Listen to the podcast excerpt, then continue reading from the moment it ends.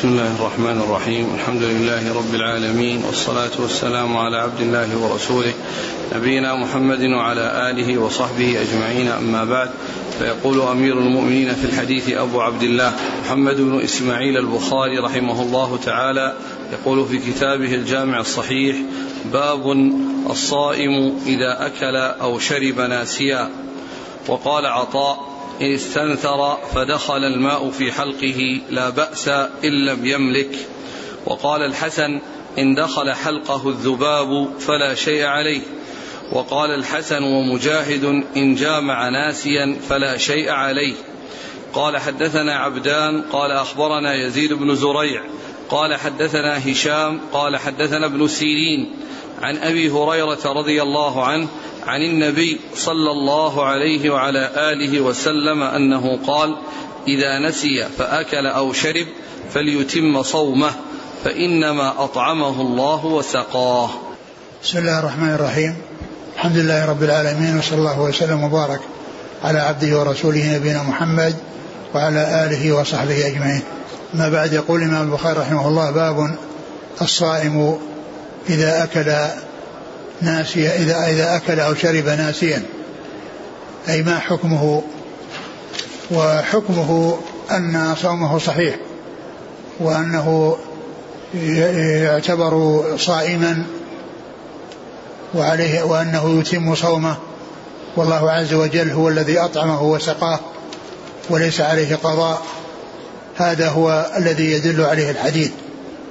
وبعض أهل العلم قال إن عليه القضاء لكن الحديث يدل على أنه لا قضاء عليه وأن هذا شيء ليس من من اختياره وإنما هو من الله عز وجل.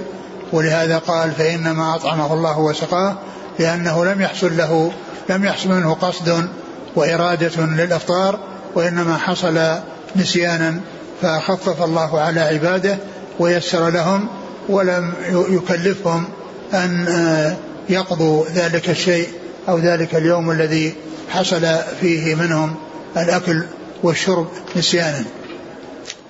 ثم ذكر يعني بعض الآثار وحديثا عن رسول الله صلى الله عليه وسلم. قال قال عطاء إن استنثر فدخل الماء في حلقه لا بأس إن لم يملك. ثم ذكر هذا الأثار عن عطاء بن أبي رباح قال إن دخل إن استنثر فدخل الماء في أنفه إن دخل الماء في حلقه. في حلقه فلا لا. بأس إن لم يملك. فلا بأس إن لم يملك.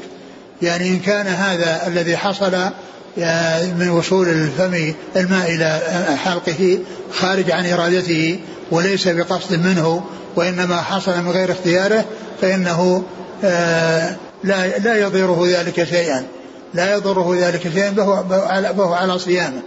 وهو شبيه بالنسيان. لأن النسيان ليس من اختياره فهذا من جنسه ليس من اختياره. فكما أن النسيان إذا حصل منه فإنه لا يؤثر في صومه أن يأكل ويشرب. فكذلك هنا إذا وصل إلى حلقه شيء من غير اختياره وهو لا يملك منعه وإنما حصل من غير اختياره فإن فإن ذلك لا يؤثر في صيامه. وقوله استنثر الأصل أن الاستنثار هو إخراج وإنما الاستنشاق هو الذي يكون معه الإدخال وأما الاستنثار فإنه إخراج الشيء فالمقصود ذلك استنثر يعني أنه استنشق واستنثر حصل منه الاستنشاق والاستنثار ولكنه يعني وصل إلى حلقه من غير اختياره وصل إلى حلقه من غير اختياره فليس عليه شيء. فإذا الاستنثار ليس هو الذي يوصل إلى الحلق وإنما الذي يوصل إلى الحلق الاستنشاق. هو الذي يوصل. والاستنثار هو إخراج لأن الاستنشاق هو إدخال وجذب بقوة النفس والاستنثار هو إخراج. ونثر ذلك الشيء الذي حصل في أنفه. فإذا ذكر الاستنثار هنا ليس المقصود به نفس الاستنثار لأن الاستنثار إخراج وليس إدخال. وإنما المقصود من ذلك الاستنشاق الذي يكون بعده الاستنثار. الاستنشاق الذي يكون بعده الاستنشاق. فإذا كان الذي يكون بعده الاستنثار فإذا كان الاستنشاق حصل ولم يكن وصوله إلى حلقه باختياره فإنه معذور وليس عليه شيء وهو شبيه بالناس لأن الناس ليس هذا من اختياره وهذا أيضا ليس من, من ليس من اختياره. يعني دخول يعني هذا شيء في في أنفه. إذا كله يعني هو مغلوب عليه وأن هذا من الله وليس منه فلا محذور في ذلك ولا ولا يضيره ولا يضير صيامه شيئا. ولهذا جاء في الحديث عن النبي صلى الله عليه وسلم قال وبالغ في الاستنشاق إلا أن تكون صائما. وبالغ في الاستنشاق إلا أن تكون صائما يعني أنه إذا كان صائما لا يبالغ في الاستنشاق حتى يصل حتى لا يصل إلى حلقه أو إلى جوفه شيء بسبب ذلك. نعم. وقال الحسن إن دخل حلقه الذباب فلا شيء عليه. وقال الحسن إن دخل في حلقه الذباب فلا شيء عليه يعني لا يضره كون الذباب دخل في حلقه ويعني بلعه أو راح إلى جوفه ما يضره لأن هذا ليس من اختياره. وهو يعني أشد وأوضح من قضية الاستنشاق لأن الاستنشاق بفعله وأما هذا لا لا لا علاقة له به أصلا. لا علاقة له به أصلا فهو أولى في الحكم من الاستنشاق. فهو مثل الاستنشاق أو أشد لأن الاستنشاق فيه بفعله وحصل بتسببه ولكنه من غير إرادة ومن غير اختيار وأما هذا فإنه لا علاقة له به أصلا. ولم يحصل منه آه، فعل وإنما الذباب يعني جاء طائرا حتى ذهب إلى حلقه. نعم. وقال الحسن ومجاهد إن جامع ناسيا فلا شيء عليه. ثم قال إن عن الحسن ومجاهد إن جامع ناسيا فلا شيء عليه. يعني ليس عليه شيء. يعني مثل الذي أكل ناسيا أكل أو شرب ناسيا ليس ليس عليه شيء. فهذا أيضا ليس عليه شيء. وهذا من باب القياس. وهذا من باب القياس على اعتبار أن هذا يعني نسيان وهذا نسيان وقد جاء فيما يتعلق بالأكل والشرب أن ذلك لا يضر صيامه شيئا فكذلك أيضا الجماع فإنه لا يضيره. هذا قول يعني عطاء والحسن ولكن القول الذي يعني هو واضح والذي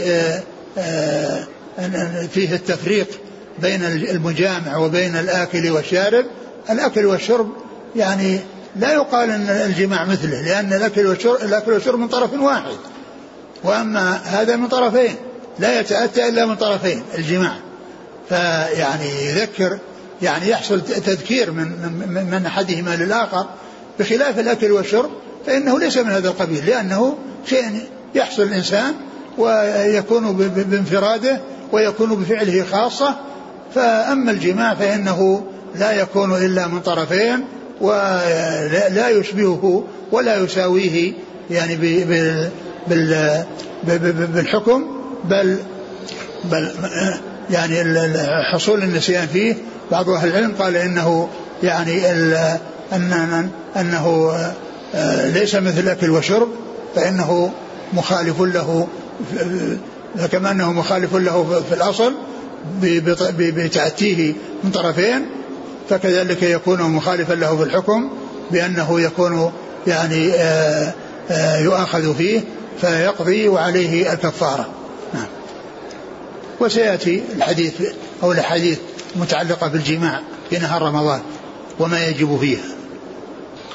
حديث أبي هريرة قال صلى الله عليه وسلم إذا نسي فأكل أو شرب فليتم صومه فإنما أطعمه الله وسقاه. نعم ثم جاء أتى بهذا الحديث عن النبي صلى الله عليه وسلم قال إذا نسي إذا نسي فأكل أو شرب فليتم صومه.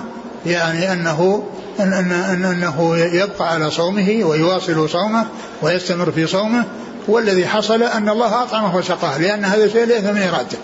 هذا من فعل الله وليس من فعله.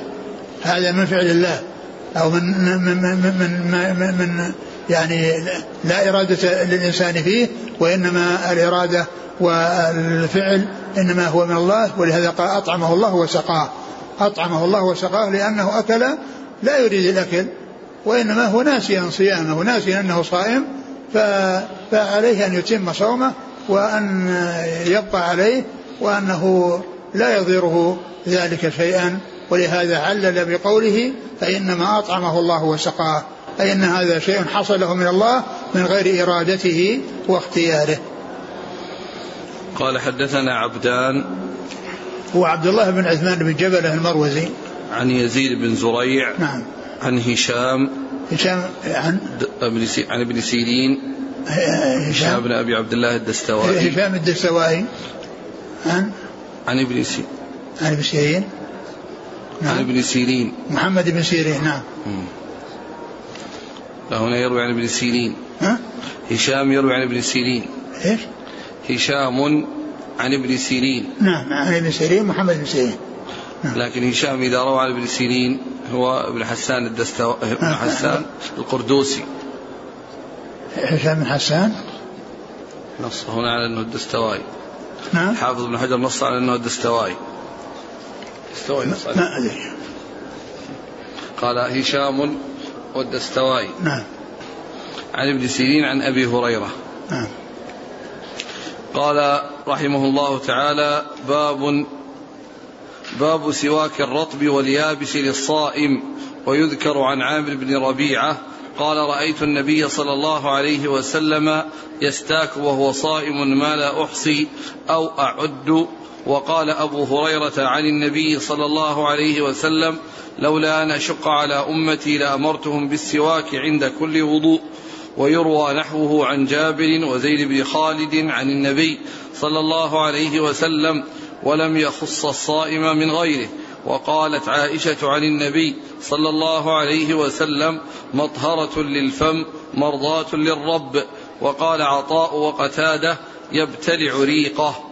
قال حدثنا عبدان قال أخبرنا عبد الله قال أخبرنا معمر قال حدثني الزهري عن عطاء بن يزيد عن حم عن حمران قال رأيت عثمان رضي الله عنه توضأ فأفرغ على يديه ثلاثا ثم تمضمض واستنثر ثم غسل وجهه ثلاثا ثم غسل يده اليمنى إلى المرفق ثلاثا ثم غسل يده اليسرى إلى المرفق ثلاثا ثم مسح برأسه ثم غسل رجله اليمنى ثلاثا ثم اليسرى ثلاثا ثم قال رأيت رسول الله صلى الله عليه وسلم توضأ نحو وضوئي هذا ثم قال من توضأ وضوئي هذا ثم يصلي ركعتين لا يحدث نفسه فيهما بشيء إلا غفر له ما تقدم من ذنبه.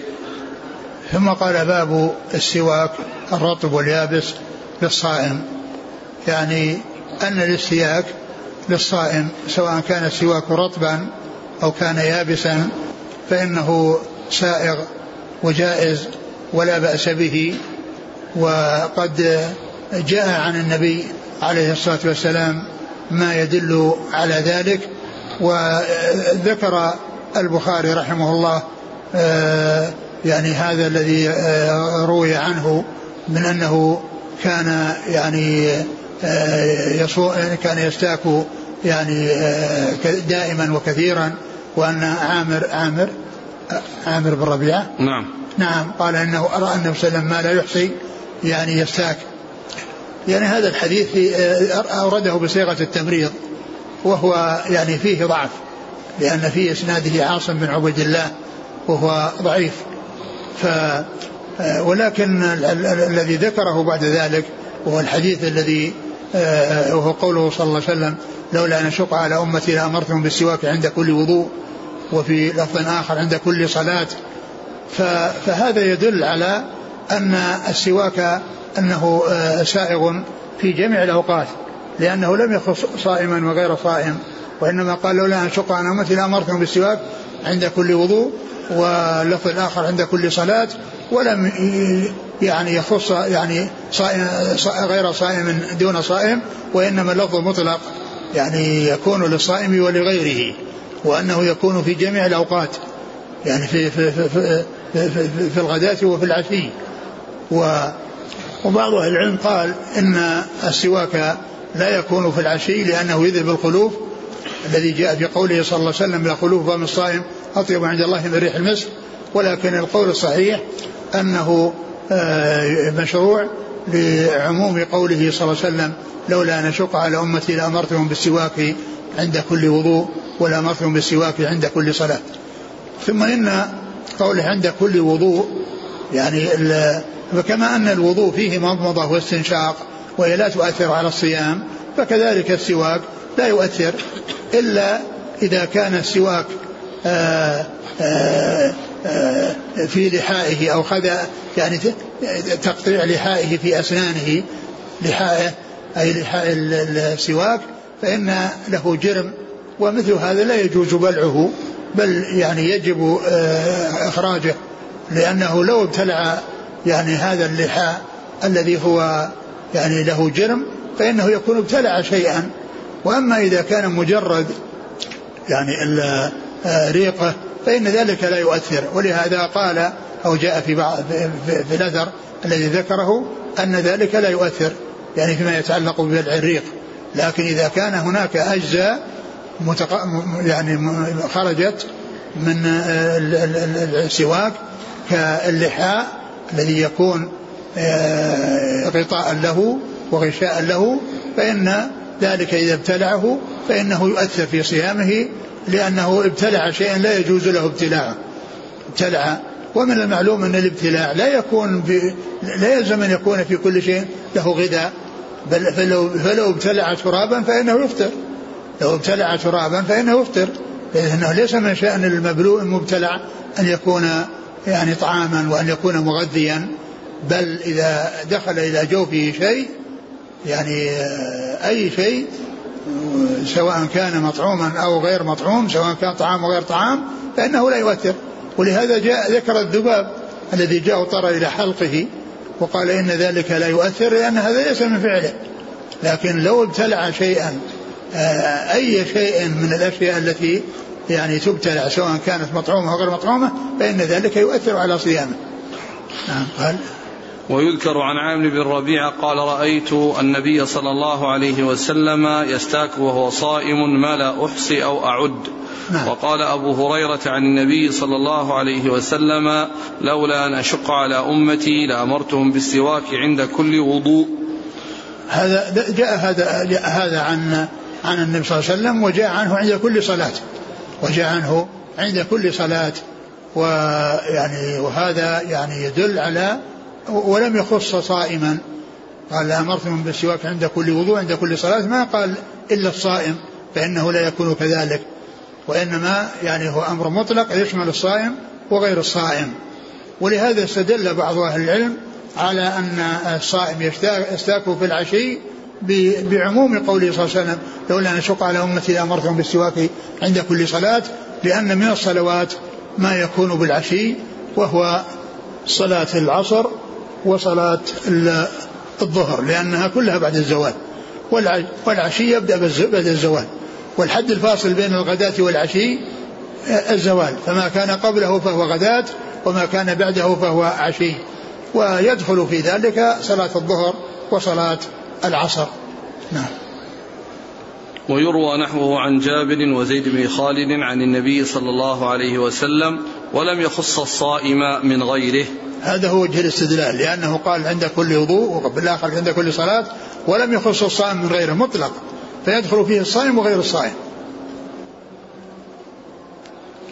وقالت عائشة عن النبي صلى الله عليه وسلم مطهرة للفم مرضاة للرب.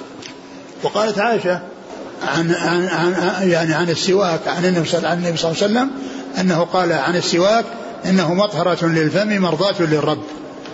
يعني وهذه الفائدة والحكمة التي آه، يعني شرع من أجلها السواك فإنها فيها آه، فائدة دنيوية وفائدة أخروية ودنيوية لأنها في طاعة الله عز وجل وطاعة الله عز وجل فوائدها في الدنيا والآخرة وفيه فائدة دنيوية وهي آه، كونه مطهرة للفم.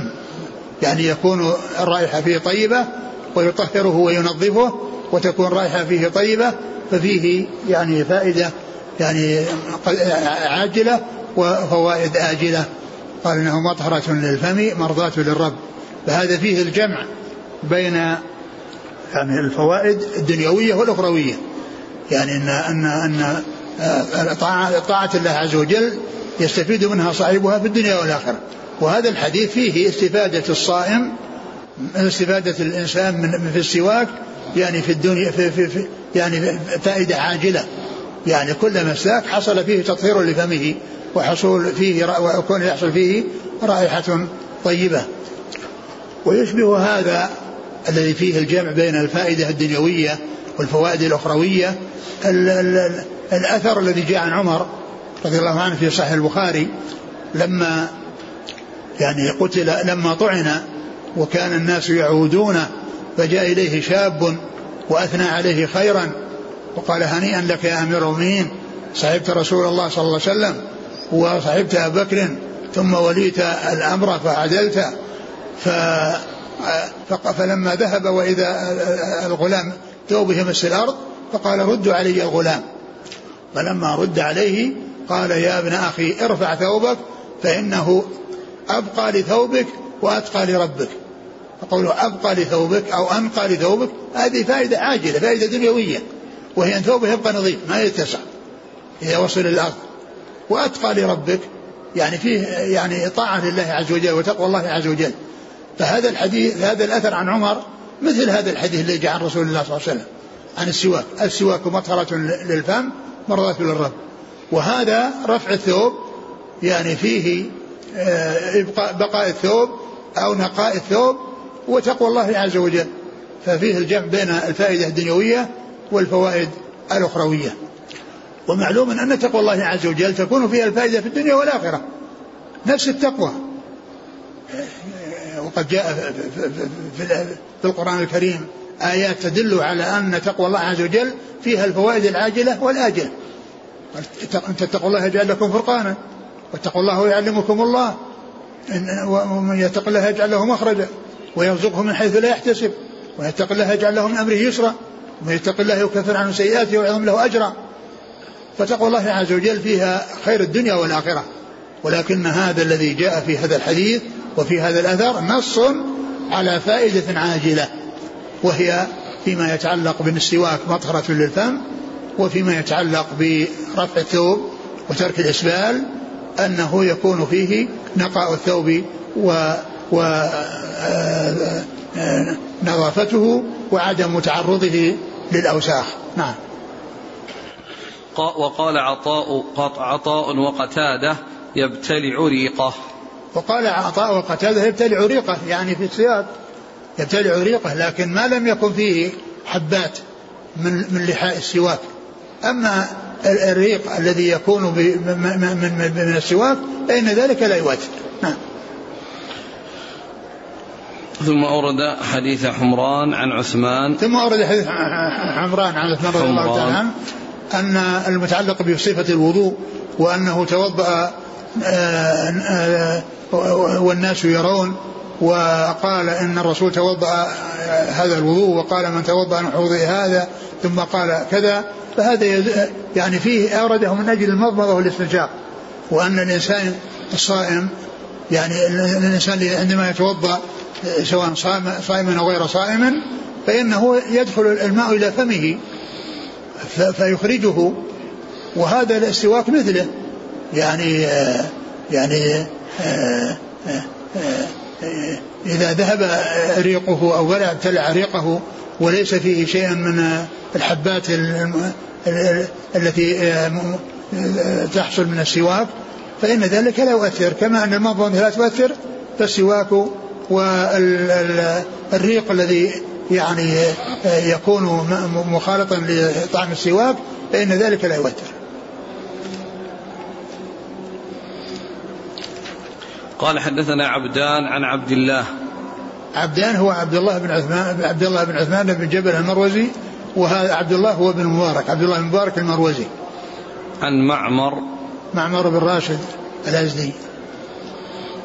عن الزهري عن عطاء بن يزيد عن حمران عن عثمان. نعم. قال رحمه الله تعالى باب قول النبي صلى الله عليه وآله وسلم إذا توضأ فليستنشق بمنخره الماء ولم يميز بين الصائم وغيره.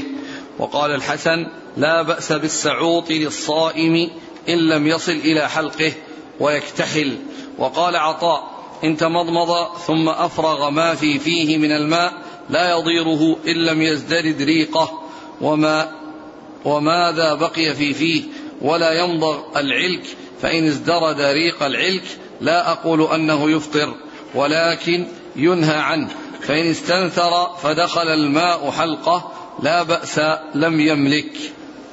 ثم قال باب. قول النبي صلى الله عليه وسلم إذا توضأ فليستنشق بمنخره الماء ولم يميز بين الصائم وغيره. قول النبي صلى الله عليه وسلم إذا إذا استنشق فل إذا استنشق إذا توضأ إذا توضأ فليستنشق بمنخره الماء.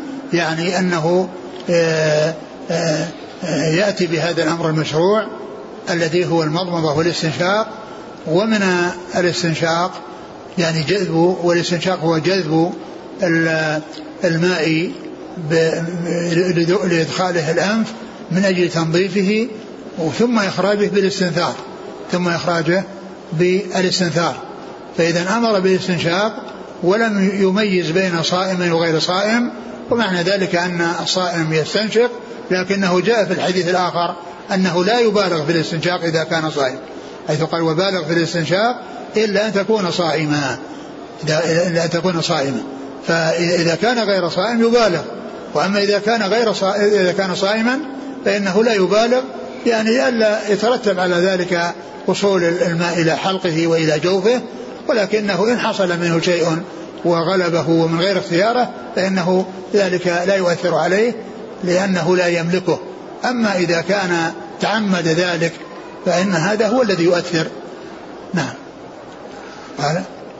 إذا توضأ فليستنشق بمدخله الماء ولم يميز بين الصائم وغيره. نعم ولا يميز بين الصائم وغيره. يعني معناه أن جاء الاستنشاق وأن الإنسان يستنشق عند عند الوضوء ولم يفرق بين صائم وغير صائم.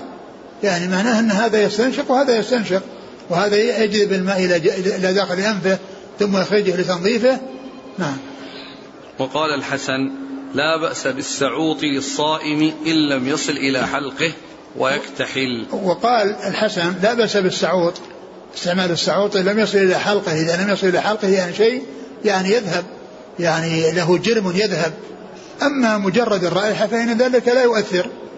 والسعوط هو يعني ما يستصعط يعني من من من, من الأشياء التي يراد إدخالها الحلق وهذا كما هو معلوم في غير الماء لأن الماء الإنسان يتوضأ ويستنشق لكن قد يستعمل سعوط والسعوط هو ما يعني يدخل في الأنف أو ما يعني ما يستعمل في الأنف هذا يقال له سعوط. سعوط يعني سعوط يعني الذي يدخل يقال له سعوط. والجذب أو يعني أو شمه هذا يقال له سعوط الذي هو الفعل. كما مر بنا السحور والسحور والطهور والطهور والوضوء والوضوء والوجور والوجور كل هذه ألفاظ يعني مؤداها واحد وهي أن ما كان بالفتح اسم لشيء مستعمل وما كان بالضم اسم لنفس الاستعمال.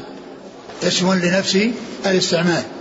فالسعوط الذي يستصعطه الإنسان إذا لم يصل إلى حلقه وله جرم لأن من الصعوط يعني مثل الدقيق أو كذا يعني آه، يجذب إلى الأنف فقد يصل إلى الحلق.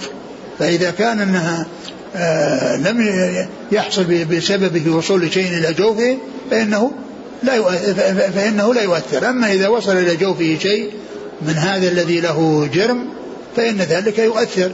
أما مجرد وجود الرائحة أو كونه يحس بالطعن في في في فمه أو في في حلقه لا يؤثر. نعم. قال ويكتحل. ويكتحل وهذا قد مر بنا أن الاكتحال للصائم أنه سائق وأنه لا بأس به. مر بنا بعض الآثار. نعم. وقال عطاء إن تمضمض ثم أفرغ ما في فيه من الماء لا يضيره إن لم يزدرد ريقه. وماذا بقي في فيه؟ أعد وقال عطاء إن تمضمض ثم أفرغ ما في فيه من الماء لا يضيره إن لم يزدرد ريقه. المقصود بهذا أن الإنسان إذا مضمض وأفرغ الماء من فمه بعد المضمضة فذلك لا يضيره. ما لم يبتلع ريقه والمقصود من ذلك يعني الشيء الذي مع الماء. إذا كان فيه يعني شيء من الماء ولم يعني يلفظه أما مجرد الريق الذي هو يعني ريقه العادي فالإنسان يبتلع ريقه دائما وأبدا. ولكن إذا كان معه شيء من الماء يعني هذا هو الذي يعني بقية ماء أو شيء هذا هو الذي يؤثر. نعم. إن تمضمض ثم أفرغ ما في فيه من الماء لا يضيره إن لم يزدرد ريقه. نعم. وماذا بقي في فيه؟ وما يعني في بعض ال ال يعني آه، آه، قيل انه جاء في بعض وما فيه يعني الذي بقي في فيه ويعني وعلى أساس أنها في هذا يعني استفهام يعني وما الذي بقي في ريقه حتى في ماذا بقي فيه؟ في ريق في فيه وماذا بقي في فيه؟ يعني يعني ما يبقى فيه فيه شيء إذا أخرجه ما يبقى فيه إلا ريقه إذا كان خالصا ليس معه ماء. نعم. ولا يمضغ ولا يمضغ العلك فإن ازدرد ريق العلك لا أقول إنه يفطر ولكن ينهى عنه. فإن ازدرد؟ ولا يمضغ العلك. فإن ازدرد ريق العلك لا ريق العلك لا أقول إنه يفطر ولكن ينهى عنه. اجتناب العلك للصائم هذا مطلوب. لا يعلك الإنسان. علك. ولكن لو حصل منه فإن كان العلك يتحلل ويخرج منه أشياء يعني تذهب إلى الجوف فهذا يفطر بلا شك. يعني كونه يعني يعني يستعمل علك يعني علك يخرج منه يعني في حلاوة أو في أشياء تذهب إلى جوفه فهذا يفطر. لكن إذا كان علكا ليس فيه شيء متحلل فالأولى اجتنابه. لكن إن فعله وإن حصل ذلك منه يعني لا يلزم بفطره ولكن اجتنابه مطلوب.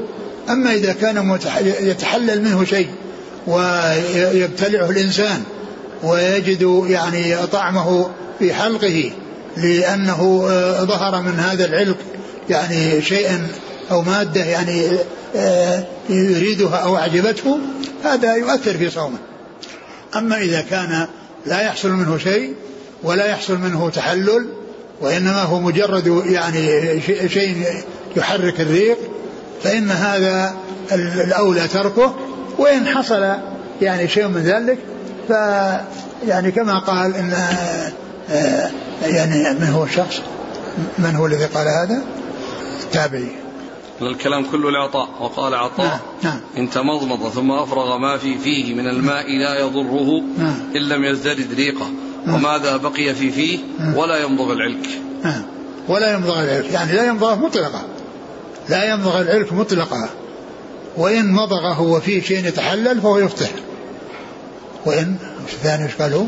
ولا يمضغ العلك فإن ازدرد ريق العلك لا أقول إنه يفطر ولكن ينهى عنه نعم يعني هذا إذا كان في شيء ما ليس فيه يتحلل ينهى عنه. نعم. فإن استنثر فدخل الماء حلقه لا بأس لم يملك. فإن استنثر يعني استنشق واستنثر بعد ذلك ولكن دخل الماء إلى حلقه يعني حيث لم يملك ذلك وأنه ليس هذا من اختياره فإن ذلك لا يؤثر.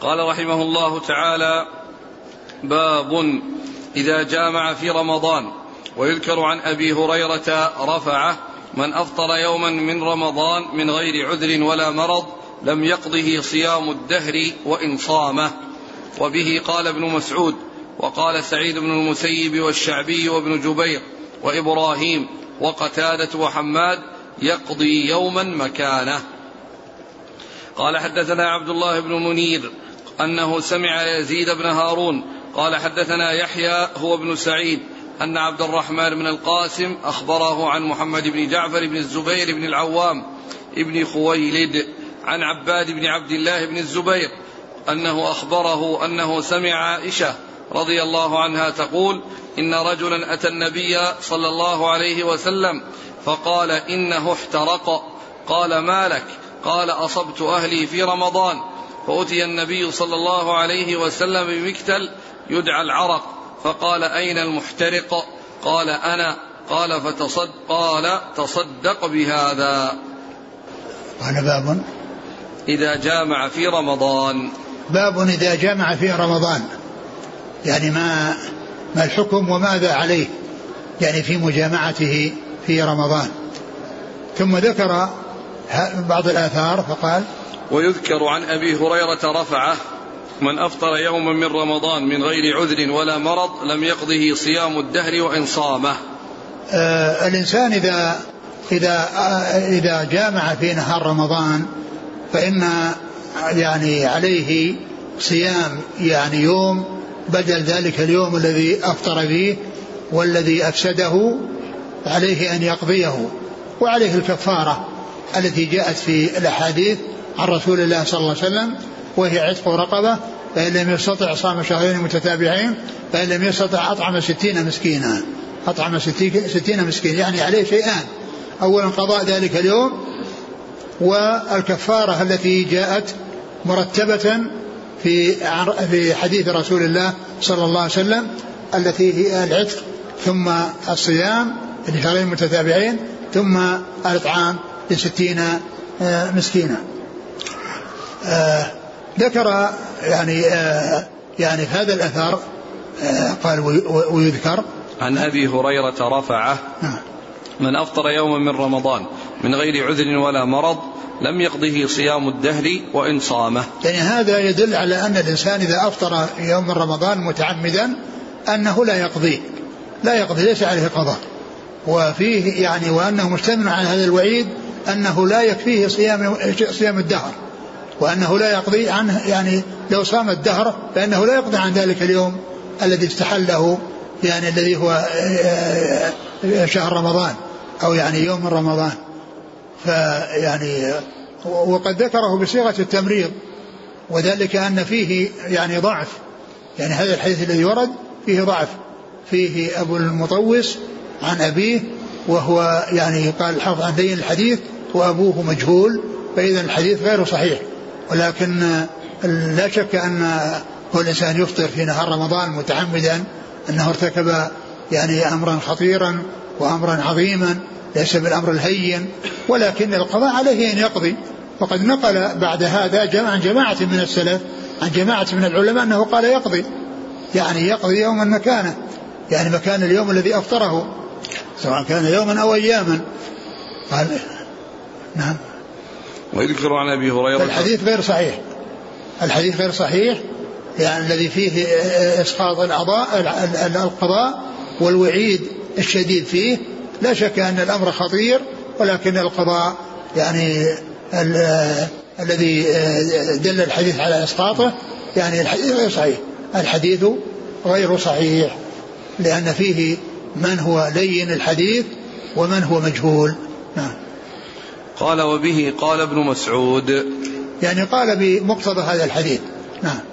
وقال سعيد بن المسيب والشعبي وابن جبير وإبراهيم وقتاده وحماد يقضي يوما مكانه.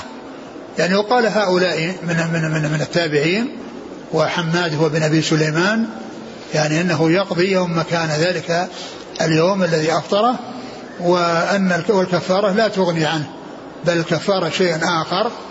وأما نفس اليوم الذي أفسده فإنه يقضيه. نعم. أورد حديث أورد حديث عائشة ومختصر وفيه ذكر الإطعام فقط. فيه ذكر الإطعام فقط ولكن الذي الذي ثبت عن رسول الله صلى الله عليه وسلم ذكر الثلاثة التي هي العتق ثم الصيام ثم الإطعام. قال حدثنا عبد الله بن منير نعم. عن يزيد بن هارون نعم. عن يحيى هو بن سعيد. يحيى بن سعيد الأنصاري. عن عبد الرحمن بن القاسم. نعم. عن محمد بن جعفر بن الزبير بن العوام بن خويلد. عن عباد بن عبد الله بن الزبير. عن عائشة. وهؤلاء أربعة من التابعين يروي بعضهم عن بعض في هذا الإسناد.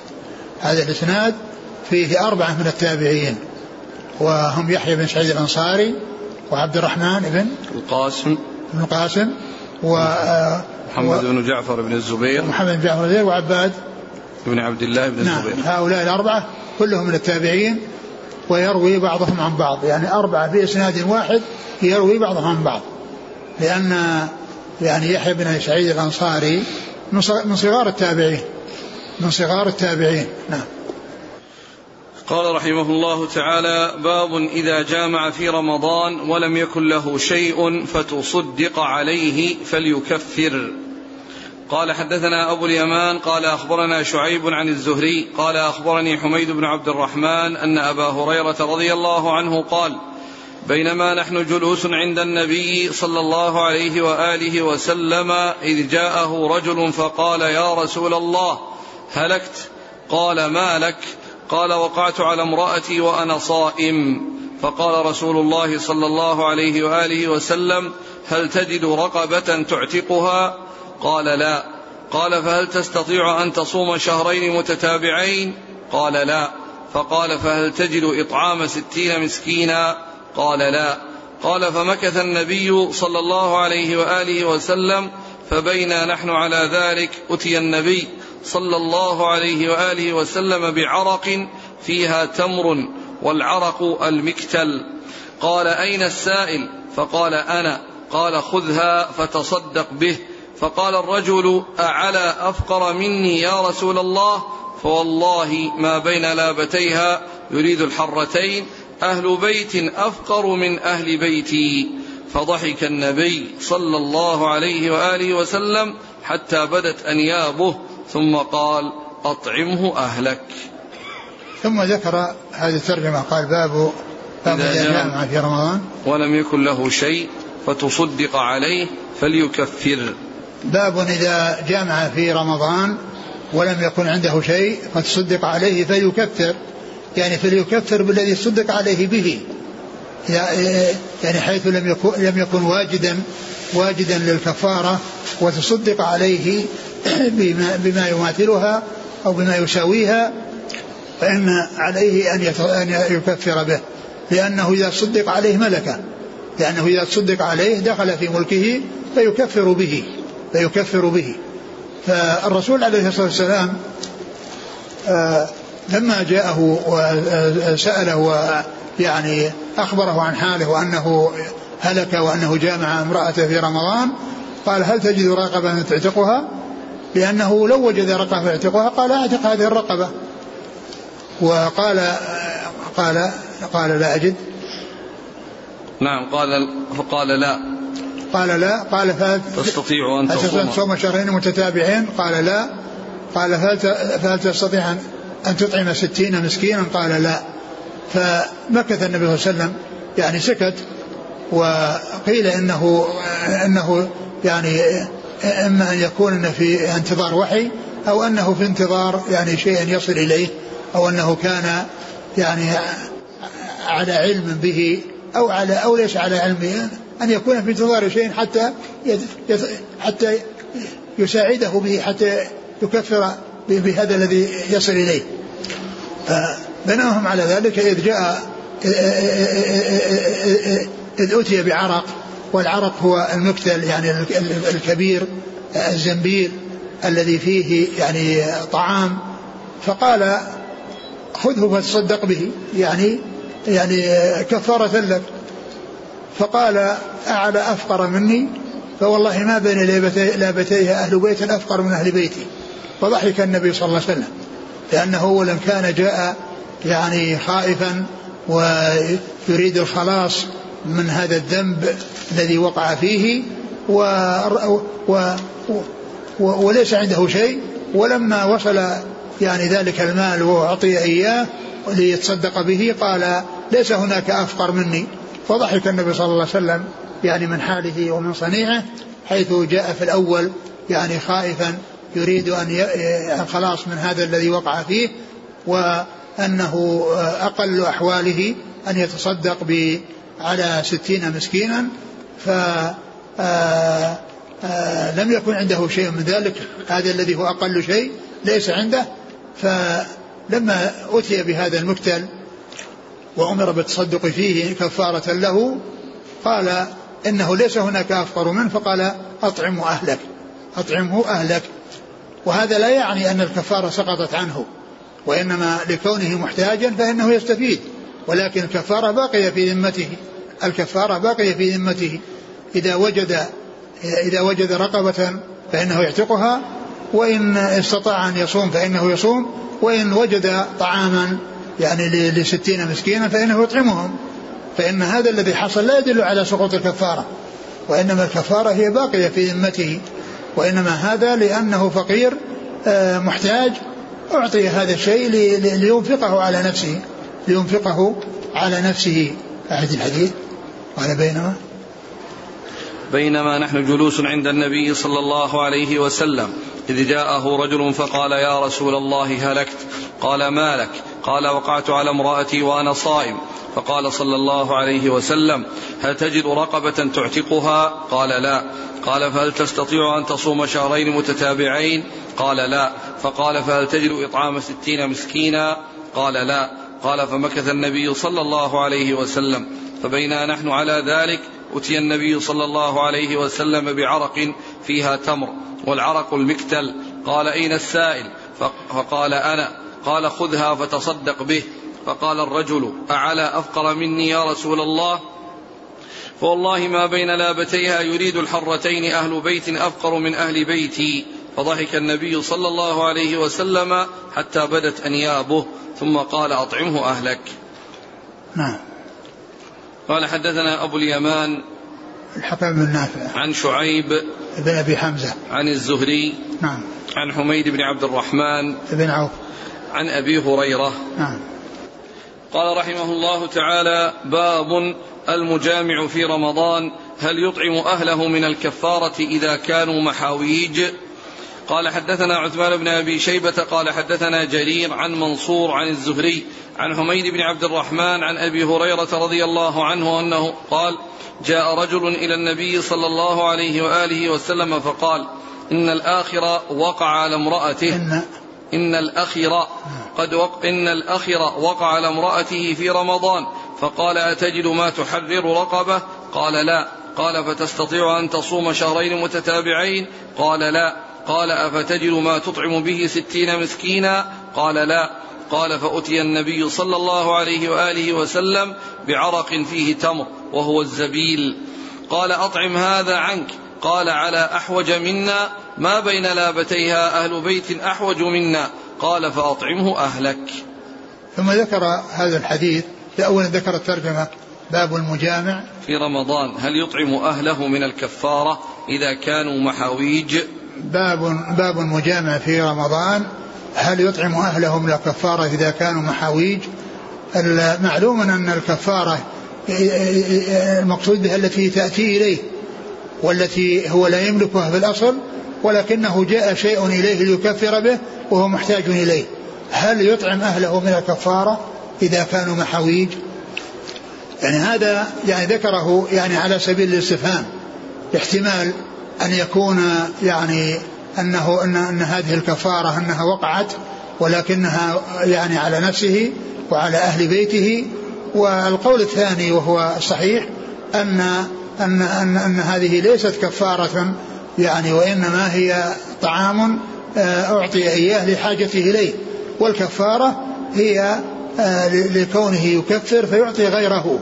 ومعلوم أن القول الصحيح في هذه المسألة أن أن الكفارة باقية في ذمته ولكن هذا الذي أريد منه أن يكفر به آه، كان هو محتاج إليه وهو أشد من غيره فقرا وأذن له في ذلك فيبقى يعني ذلك في ذمته.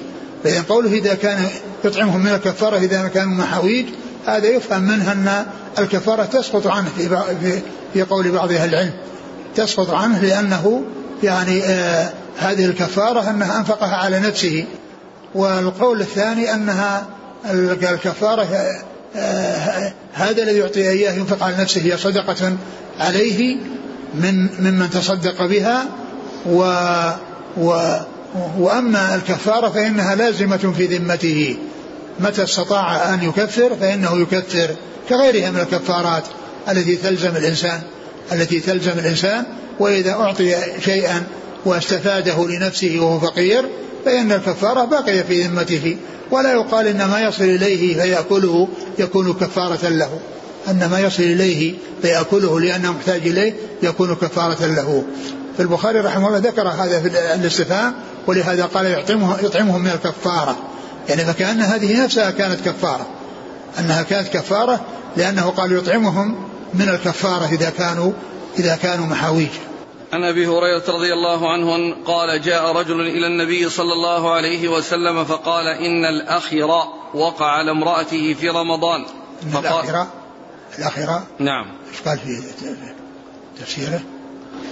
بهمز غير ممدودة بعدها خاء معجمة مكسورة تقدم في الباب الذي قبله في أوائل الباب الذي قبله. ما في كلام. بس أشار إلى ضبطها. أو تقدم في الباب الذي قبله تقدم الكلام على تسميته. لا ذكر معناها. لا هنا في هذا الباب ما في. قال تقدم في الباب الذي قبله في أوائل الباب الذي قبله. تقدم في أوائل الباب الذي قبله. آه، وليس فيه قال هلكت. يعني هو ذم لنفسه. أقول هو ذم لنفسه الآخرة يعني ليس مدحا وإنما هو ذم لنفسه. نعم. يعني هذا اللفظ ذم لنفسه. وقع على امرأته في رمضان فقال أتجد ما تحرر رقبة؟ قال لا. قال فتستطيع أن تصوم شهرين متتابعين؟ قال لا. قال فتجد ما تطعم به ستين مسكينا؟ قال لا. قال فأتي النبي صلى الله عليه وسلم بعرق فيه تمر وهو الزبيل. قال أطعم هذا عنك. قال على أحوج منا. ما بين لابتيها أهل بيت أحوج منا؟ قال فأطعمه أهلك. نعم. قال حدثنا عثمان بن أبي شيبة نعم. عن جرير بن عبد الحميد الضبي. عن منصور ابن المعتمر. عن الزهري عن حميد بن عبد الرحمن عن أبي هريرة. نعم. قال رحمه الله تعالى باب الحجامة والقيء للصائم. والله تعالى أعلم وصلى الله وسلم وبارك على عبده ورسوله نبينا محمد وعلى آله وأصحابه أجمعين. جزاكم الله خيرا وبارك الله فيكم. ألهمكم الله الصواب ووفقكم للحق. شفاكم الله وعافاكم ونفعنا الله ما سمعنا غفر الله لنا ولكم وللمسلمين أجمعين. آمين آمين. يقول السائل حفظك الله ما حكم السواك الذي فيه طعم النعناع أو الليمون؟ هل هو مفطر؟ إذا كان أنه لا يصل إلى جوفه ولا يدخل إلى جوفه وإنما مجرد الرائحة هذا لا يؤثر. هنا قال الأخر الأبعد وقيل الغائب وقيل الأرذل. على كل هو ذم له ذم لنفسه. هذا أحسن الله إليك. يسأل عن البخور للصائم وكذلك الدخان دخان الحرائق ونحو ذلك. وبعضهم يسأل عن التدخين في حال الصيام. إيش؟ التدخين؟ أي. التدخين في حال الصيام إدخال أقول إدخال آه، شيء إلى جوفه. يعني إدخال شيء محرم إلى جوفه. يعني فحصل فيه مصيبتان أو ضرران. يعني إفطار على حرام. يعني حصل الإفطار في أمر حرام. يعني أدخل في جوفه دخانا وهو محرم. فالدخان يعني هذا من أوضح الواضحات أنه حرام وأنه فعل أمرا محرما وأفطر في أمر حرام. يعني فعل أمرا حراما وجمع فيه بين مصيبتين. يعني شرب الدخان الذي هو حرام وكونه أفطر عليه وهو حرام. و وأما ما يتعلق بالبخور والطيب فالإنسان لا يشمه لا لا لا يشمه في أنفه ويجذبه لأنه قد يذهب إلى جوفه. ولكن كونه يطيب ثيابه ويطيب عمامته ويطيب يعني آه، لباسه لا بأس بذلك. الانسان المحرم الصائم يتطيب لا بأس. لكن إدخال شيء إلى جوفه بأن يعني يستصعد الدخان ويجعله بحيث أنه يذهب إلى جوفه لا يفعل ولكنه يطيب ثيابه. لا بأس بذلك. إيش الثاني؟ يقول ودخان الحرائق. دخان الحرائق يعني الشيء الذي يصل إليه من غير اختياره لا يضره. يعني إذا كان حصل حرائق حولها وحصل دخل دخان لا يعني أو صارت الحرائق محيطة به ودخل إلى جوفه شيء يعني بسبب ذلك لا يؤثر. يقول أشكل علي ذكر العلك في الأثر أليس أكل العلك من خوارم المروءة للرجل؟ والله لا شك أن كون الإنسان يعلك يعني لكن هنا ما ذكر العلك أن يكون الإنسان يعلك يعني آه يعني ليس عند الناس يعني ما في بأس الذي قد يقال له من خوارم المروءة كونه يعلف عند الناس. يعلف عند الناس. هذا شيء يعني ما هو جيد. هذا شيء يعني ما ينبغي الإنسان يفعله. لكن كونه يعني في بيته يستعمل علك ويعلك يعني ما في شيء. ليس من خوارم المروءة المروءة هذه تكون إذا كان عند الناس. هذه إذا كان عند الناس. هذا هو الذي يعني يعاب يعني صاحبه. كونه يعلك أمام الناس وعند الناس. هذا ما هو طيب هذا. يقول ألا تدخل صورة من جامع أهله وهو يظن أن الفجر لم يطلع؟ هل تدخل هذه الصورة في صورة من جامع ناسيا؟ ألا تدخل صورة من جامع أهله وهو يظن أن الفجر لم يطلع؟ ألا تدخل في صورة من جامع ناسيا؟ إذا كان الإنسان يعني يعني يغلب على ظنه يغلب على ظنه أن الفجر ما طلع فذلك لا يؤثر. وأما إذا كان يغلب على ظنه أن الفجر طلع فهذا هو الذي يكون جامع في نهار رمضان. هذا يقول من جمع أهله وأذن عليه المؤذن بطلوع الفجر هل عليه شيء؟ عليه أنه ينزع ولا يواصل وليس عليه شيء. لأنه يعني جامع في وقت يسوغ له المجامعة ولما علم دخول الوقت بالأذان فإنه كف عن ذلك فليس عليه. أما إذا واصل يكون عليه شيء. أما إذا واصل حتى أنزل فإنه يكون حصل منه مجامعة في, في, في, في, في, في نهار رمضان. وإنما عليه أن ينزع وهذا ليس مثل الحديث الذي جاء فيما يتعلق بالماء. لأن الأمر الماء جاء فيه نص وأمره يعني يختلف عن عن الجماع والإنسان عليه أن تكون مجامعته إلى قرب الوقت وليس إلى يعني كون الوقت يعني ينتهي. الحديث ورد في الصيف ال ال في ال الذي يشرب أنه إذا أذن المؤذن والإناء على يد أحدكم فلا يضعه حتى يقضي حاجته منه.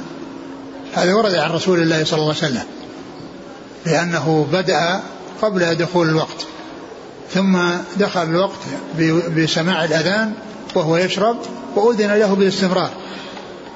وهذا كما عرفنا من قبل أنه داخل تحت قاعدة يدوم في الاستداء يجوز في الاستدامة ما لا يجوز في الابتداء لأن هذا لم يبتدي وإنما مستديم.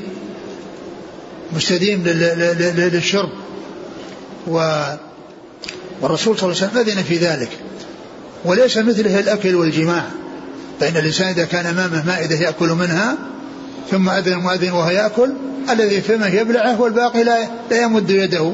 مرة أخرى يواصل الأكل فيستمر. لأن الشرب يعني شيء واحد متصل يشرب بخلاف الأكل الذي يكون فيه تناول فالذي في فمه يبلعه ولا يخرجه. ولكن ليس له أن يأخذ يعني لقمات أخرى من من من, الطعام. وكذلك الجماع إذا حصل الأذان وهو يعني يجامع فالواجب عليه أن ينزع وليس له أن يستمر. لأنه لو استمر فإن الفائدة من الجماع تكون في الآخر وهي حصول اللذة التي تكون في الآخر وهي المقصودة في الجماع. فهذا يختلف عن عن الشرب لأن الشرب الماء أوله وآخره واحد. لكن هذا ليس أوله وآخره سواء. لأن الجماع لأن الجماع المقصود منه ما يحصل في آخره من اللذة وحصول الإنزال. فالواجب عليه النزع. ولو استمر بعد ذلك فإنه يكون جامعا في نهار رمضان وأنزل في نهار رمضان ويجب عليهما على المجامع في وسط نهار رمضان. هذا يسأل عن استعمال معجون الأسنان حال الصيام. هل هو مثل السواك أم يختلف؟ الذي ينبغي أن يفعله في, في الليل لكن لو فعله في النهار وما حصل وما ذهب يعني شيء إلى جوفه لا يؤثر. يقول أحسن الله إليكم في ظل الأحداث الراهنة من إساءات متكررة للإسلام ولنبي الرحمة محمد صلى الله عليه وسلم. هل من كلمة لشيخنا يشنف به أسماعنا حول ضبط العواطف والتصرف السليم لطلبة العلم وللمسلمين. لا شك أن الرسول عليه الصلاة والسلام هو أشرف خلق الله وأفضل خلق الله عليه الصلاة والسلام وهو سيد ولد آدم وهو سيد الأنبياء والمرسلين صلوات الله وسلامه وبركاته عليه وعلى آله وأصحابه أجمعين. ومحبته يجب أن تكون في النفوس في النفوس أعظم من محبة الإنسان لنفسه ومحبته لأبيه وأمه وابنه وبنته ومن سائر الناس. كما قال عليه الصلاة والسلام لا يؤمن أحدكم حتى أكون أحب إليه من والده ووالده والناس أجمعين. لا يؤمن أحدكم حتى أكون أحب إليه من والده ووالده والناس أجمعين. ولا شك أن الإساءة لو حصلت من مسلم فإنه يكفر بذلك. إذا أساء إلى النبي صلى الله عليه وسلم وحصل منه إساءة للنبي صلى الله عليه وسلم بأن تكلم فيه أو سبه أو عابه أو شتمه فإنه يكون مرتدا بذلك. ولشيخ الإسلام ابن تيمية كتاب اسمه الصارم المسلول على شاتم الرسول. الصارم المسلول على شاتم الرسول صلى الله عليه وسلم. ف فيجب أن أن أن يكون الرسول عليه الصلاة يكون له من الاحترام والتوقير ما لا يكون لغيره. وهو مقدم على الوالدين والأولاد. وذلك أن النعمة التي ساقها الله للمسلمين على يديه هي أعظم نعمة. أعظم نعمة حصلت للمسلم أن هداه الله للإسلام. وهذه النعمة ساقها الله على يدي الرسول صلى الله عليه وسلم. فهي أعظم من, من, من نعمة الوالدين الذين كانوا سببا في وجوده. والذين سببا في وجوده لأن هذا سبب في سلامته من, من النار وفي دخوله الجنة. وأنه يعني لا يكون من الكفار الذين يدخلون النار ويخلدون فيها أبد الآباد. الله عز وجل أخرج الناس به من الظلمات إلى النور فحقه أعظم الحقوق على, على العباد و, و وقد بين صلى الله عليه وسلم حقه. وأما ما يحصل من من من من, من الكفار الذين يعني يذمون الرسول ويتكلمون فيه فهذا زيادة في في في شرهم. وزيادة في إثمهم لأن الكفار الذين يعني يحصل منهم صد عن سبيل الله أو يحصل منهم إيذاء لرسول الله صلى الله عليه وسلم من يحصل منه ذلك أشد عذابا من الكافر الذي لا يحصل منه شيء من ذلك. لقول الله عز وجل الذين كفروا وصدوا عن سبيل الله زدناهم عذابا فوق العذاب بما كانوا يفسدون. زدناهم عذابا فوق العذاب يعني بسبب إفسادهم. ف ف وكما يقولون يعني لا يضر ذلك رسول الله صلى الله عليه وسلم. كما كما كما يقال لا يضر لا يضر السحابة في السماء السماء نبح الكلاب في الأرض. لا يضر السحابة في السماء السماء نبح الكلاب في الأرض. فهؤلاء الذين يحصل منهم لا لا يضر ذلك رسول الله صلى الله عليه وسلم. ولكنه يسوء المسلمين. ولكنه يسوء المسلمين. وعليهم أن يفعلوا كل ما يستطيعون لمنع ذلك. والحيلول التي دون ذلك. ولكن لا يجوز أن يقدم يعني على شيء لا يسوق بسبب ذلك لأن لأن الله عز وجل نهى عن سب آلهة الكفار لأن ذلك يؤدي إلى سبه سبحانه وتعالى. ولا سبوا الذين يدعون الله فيسبوا الله عدوا بغير علم. فإذا كان هذا وهو من أوجب الواجبات يعني سب الكفار وسب آلهتهم إذا كان سيؤدي إلى سب الرسول صلى الله عليه وسلم سيؤدي إلى سب الله عز وجل فإن ذلك يعني آآ آآ يكون عظيما والامتناع منه مطلوب. وكذلك بالنسبة للرسول صلى الله عليه وسلم إذا كان يعني حصول ذلك يؤدي إلى إلى حصول إقدام على قتل أناس معينين أو إيذاء ناس معينين. يعني أن أنه لا يترتب عليه إلا يعني زيادة الشر وزيادة الفساد وزيادة الإيذاء للمسلمين ولنبي الإسلام عليه الصلاة والسلام فالإنسان لا يقدم على ذلك ولكن يسعى إلى منع ذلك بالطرق المشروعة ويكون ذلك بفعل من يقدر على ذلك ومن يكون له كلمة يعني تسمع أو قد يستجاب له أو قد يسمع كلامه. جزاكم الله خيرا وبارك الله فيكم وألهمكم الله الصواب وفقكم للحق. سبحانك الله وبحمدك. نشهد أن لا إله إلا أنت نستغفرك